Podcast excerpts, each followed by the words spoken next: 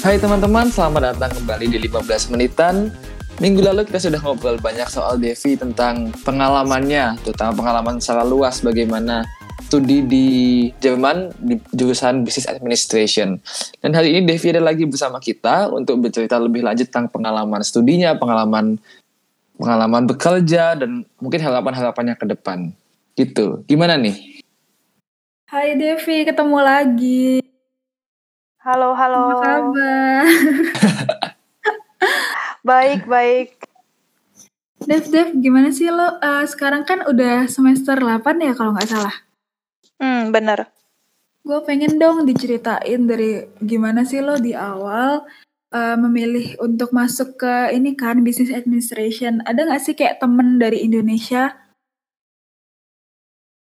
Uh, dulu pertama kali gue masuk sih semester 1 sama 2 itu kebenaran ada orang Indonesia, tapi pas udah mulai tiga uh, karena temen gue memilih untuk pindah kampus, terus jadinya okay. gue sendirian nih dari semester 3 sampai semester 8 ini tuh gue bener-bener orang Indo sendiri bahkan wow. bukan jurusan ya, segedung aja kayak gue cuma oh, sendirian iya. orang Indo iya kan fakultas gue itu kan uh, ekonomi dan informatik kan nah hmm. cuma gue doang orang Indonya oh, ya Padahal kan tadi lu udah cerita bahwa salah satu kesulitan terbesar di bidang ekonomi itu adalah bahasa ya.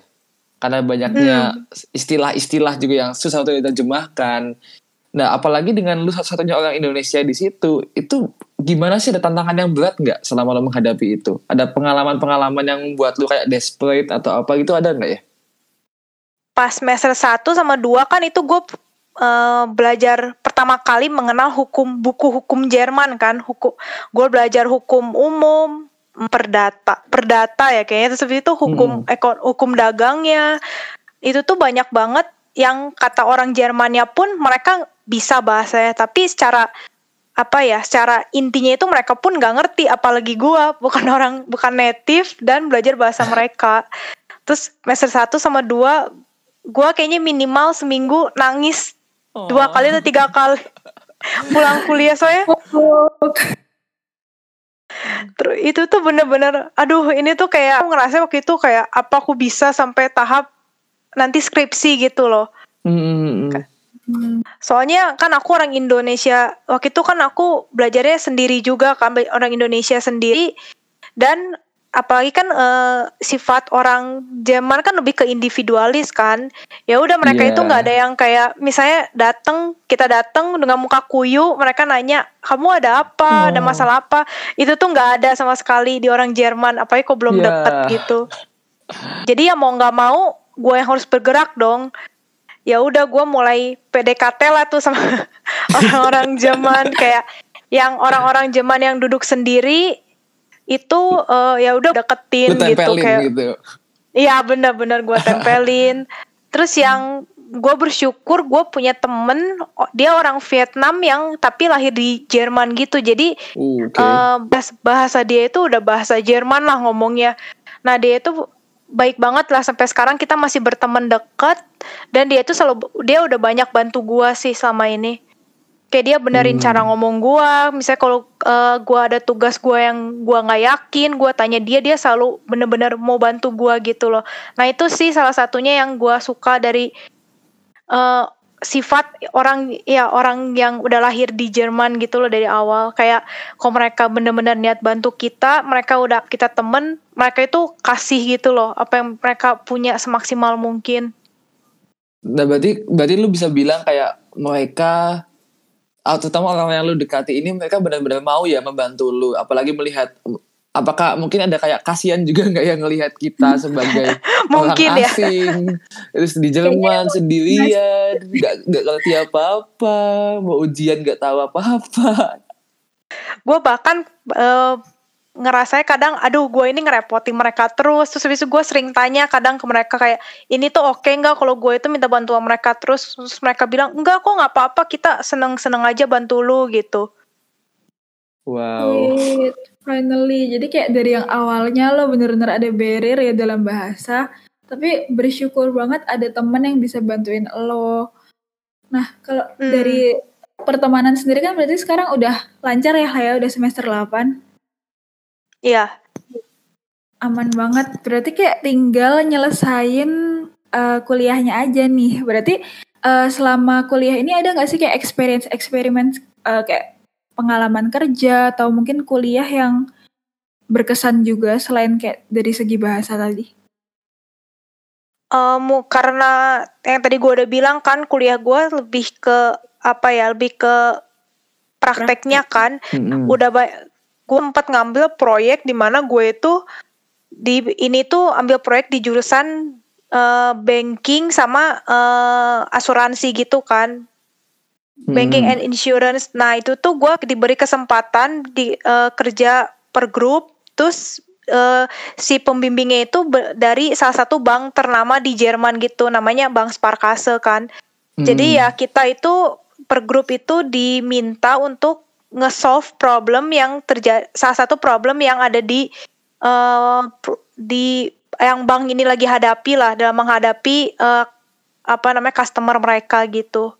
Oke. Okay. Dan apa yang kayak gitu. lo bisa pelajari dari hal-hal menarik seperti ini? Itu real, lebih, real life problem ya berarti? Hmm, lebih ke real life problem kayak mereka nih kasih kita lagi ada problem ini, menurut kalian gimana gitu? Hmm, problem okay. yang sering lo hadepin waktu internship itu apa sih? Kayak misalnya kan di Indo utang piutang nih kalau di bank. Kalau di sana ada nggak yang kayak menarik yang bikin lo oh orang Jerman tuh kayak gini nih ternyata gitu. Oh, um, paling misalnya kalau lagi di lingkungan kerja itu ya itu mereka lebih ke bener-bener profi yang gue lihat ya kan gue nggak pernah kerja di Indo nih nggak pernah kerja kantoran di Indo. Gue lihat itu mereka lebih ke misalnya kalau mereka lagi ada masalah nih di rumah atau masalah pribadi bener-bener nggak -bener kelihatan sama sekali sih kayak profesional banget sih orang Jerman gitu. Jadi mereka benar-benar kayak, kayak melepas segala urusan pribadi di tempat kerja ya? Bener-bener. Terus habis itu mereka bener-bener menutup itu kehidupan pribadi mereka sih kalau hmm. di Indo, kau bisa cerita nggak nih? Kalau mungkin kau punya pengalaman kerja di Indo? Uh, Sebenarnya kalau culture di Indo itu juga tergantung sih. Misal kayak levelnya apa, levelnya startup ya mungkin bisa masih setelah kerja masih bisa kayak tahu nongki, masalah nongki. di rumah. Iya nongki-nongki juga. Tapi kalau levelnya udah gede juga, hmm, sebenarnya masih bisa juga sih. Kayaknya tetap kelihatan lah at least kalau ada masalah. Kalau di sana gimana Dev? Berarti kayak bener-bener yang teman kerja ya udah teman kerja doang atau bisa jadi kayak teman? Kalau sejauh ini sih pengalaman gue ya ya udah teman kerja di lingkungan kerja aja. Paling mungkin istirahat lunch bareng tuh habis itu kalau udah di rumah ya udah nggak saling teks gitu. Hmm oke. Okay.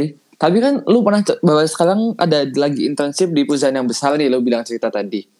Hmm. dan kalau kan lu juga udah pernah kerja di perusahaan yang kecil Hmm. Ada nggak sih kayak yang membedakan mungkin karena kita udah ngomongin orang Jerman secara general kayak gini, tapi ada nggak sih kayak culture yang berbeda gitu antara lu kerja di perusahaan yang emang bonafit yang punya nama besar dibandingkan perusahaan yang lebih kecil gitu? Ada bedanya nggak sih? Ada, ada banget kelihatan. Uh, kan gue dulu lagi semester 5 uh, eh, internship itu di perusahaan yang lokal lah, lokal di kota gue di Hanover, yang pekerja itu cuma 80 orang.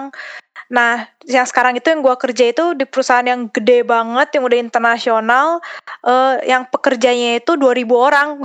Jadi kan kelihatan banget kan, bedanya jomplang banget kan. Iya. Yeah. Terus kalau di perusahaan uh. yang menurut ini tuh yang menurut pengalaman gue ya di perusahaan yang kecil itu ya karena banyak yang kerjanya bener-bener orang Jerman yang lebih konservatif lah dibilangnya yang nggak terlalu bisa bahasa Inggris, yang mereka cuma bisa ngomongnya bahasa Jerman.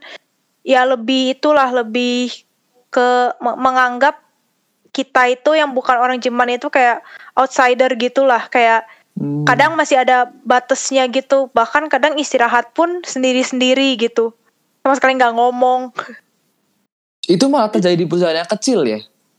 Mm -hmm. Soalnya kan mungkin dulu kayak kita mikirnya ah perusahaannya lebih kecil mungkin bisa lebih dekat tapi malah kalau melihat dari pengalaman lu justru malah lu di perusahaan yang lebih besar lu malah merasa lebih diterima.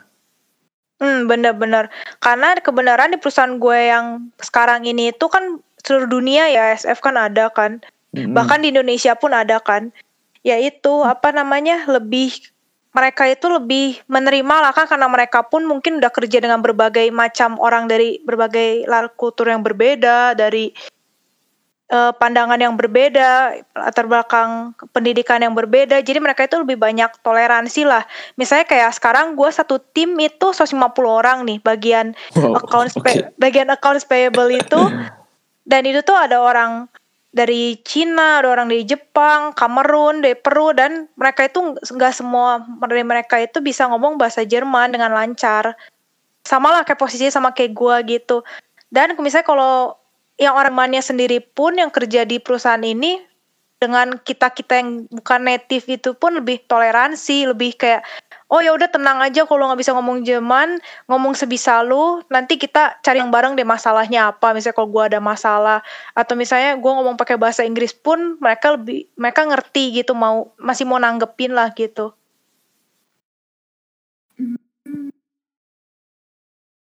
Oke, nah sekarang jadi kan bener-bener hmm? jadi lebih nggak ngerasa asing lah kalau di perusahaan gede gue ngerasanya gitu. Dan gue lebih senengnya ya yang kerjaan gue yang sekarang sih mantap mantap lu punya mm -mm.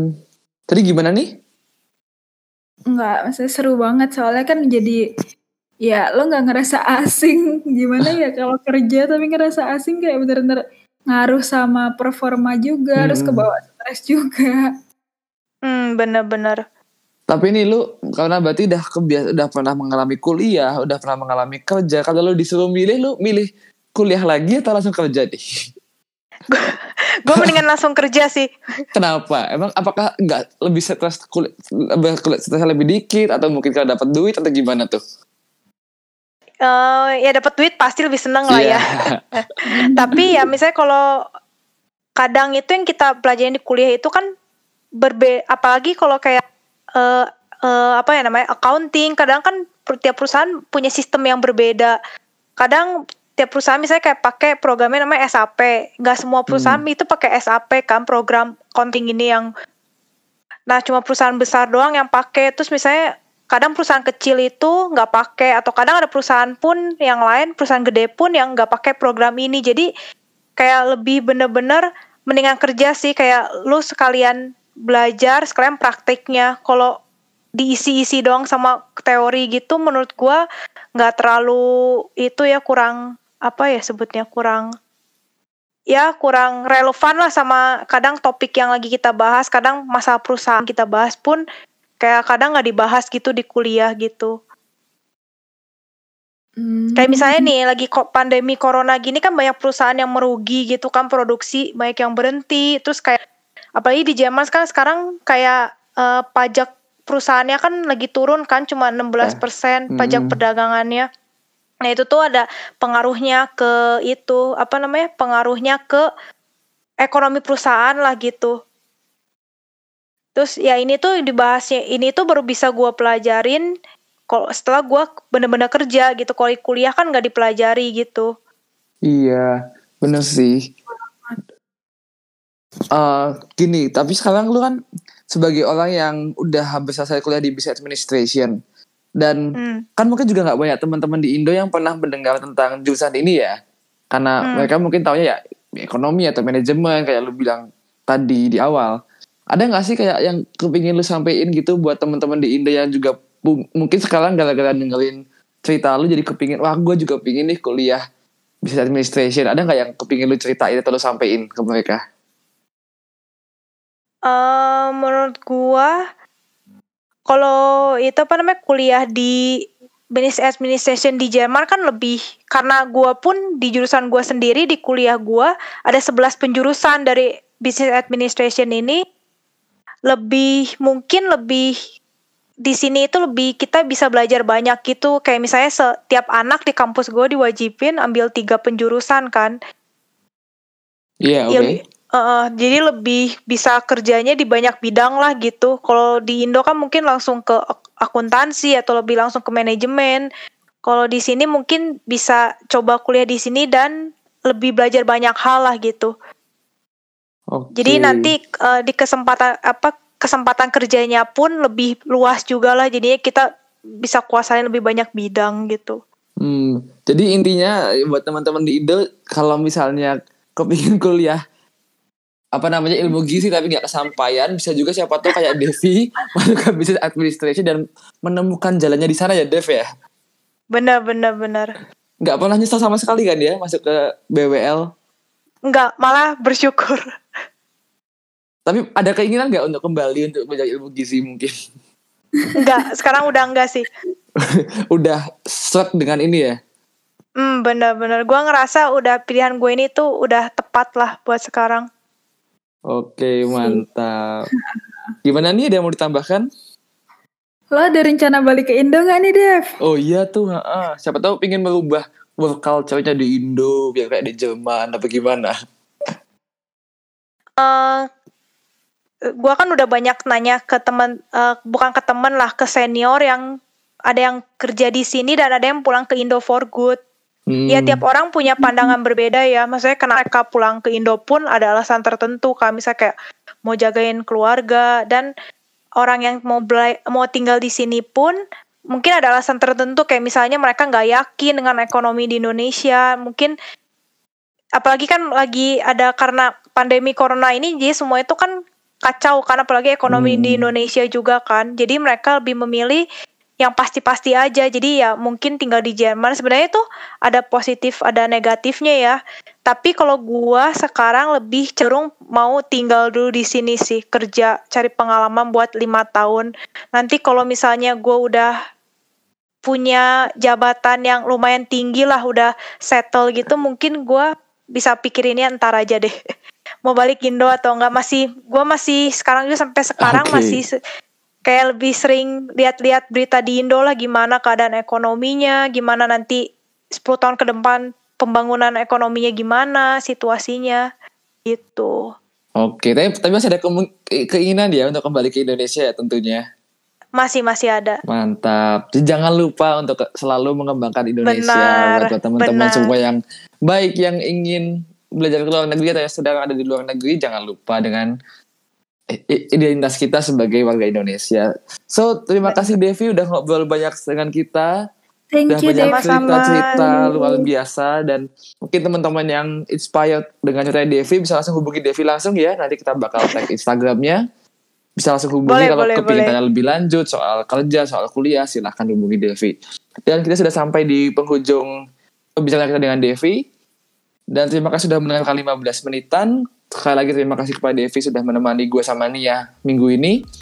Iya, sama-sama. Yep. So, ini adalah 15 menitan podcast di mana kita membahas bidang-bidang unik dengan teman yang masih berjuang untuk masa depan mereka dan masa depan Indonesia. So, subscribe di Apple Podcast, Spotify, atau di mana pun kalian mendengarkan podcast kalian.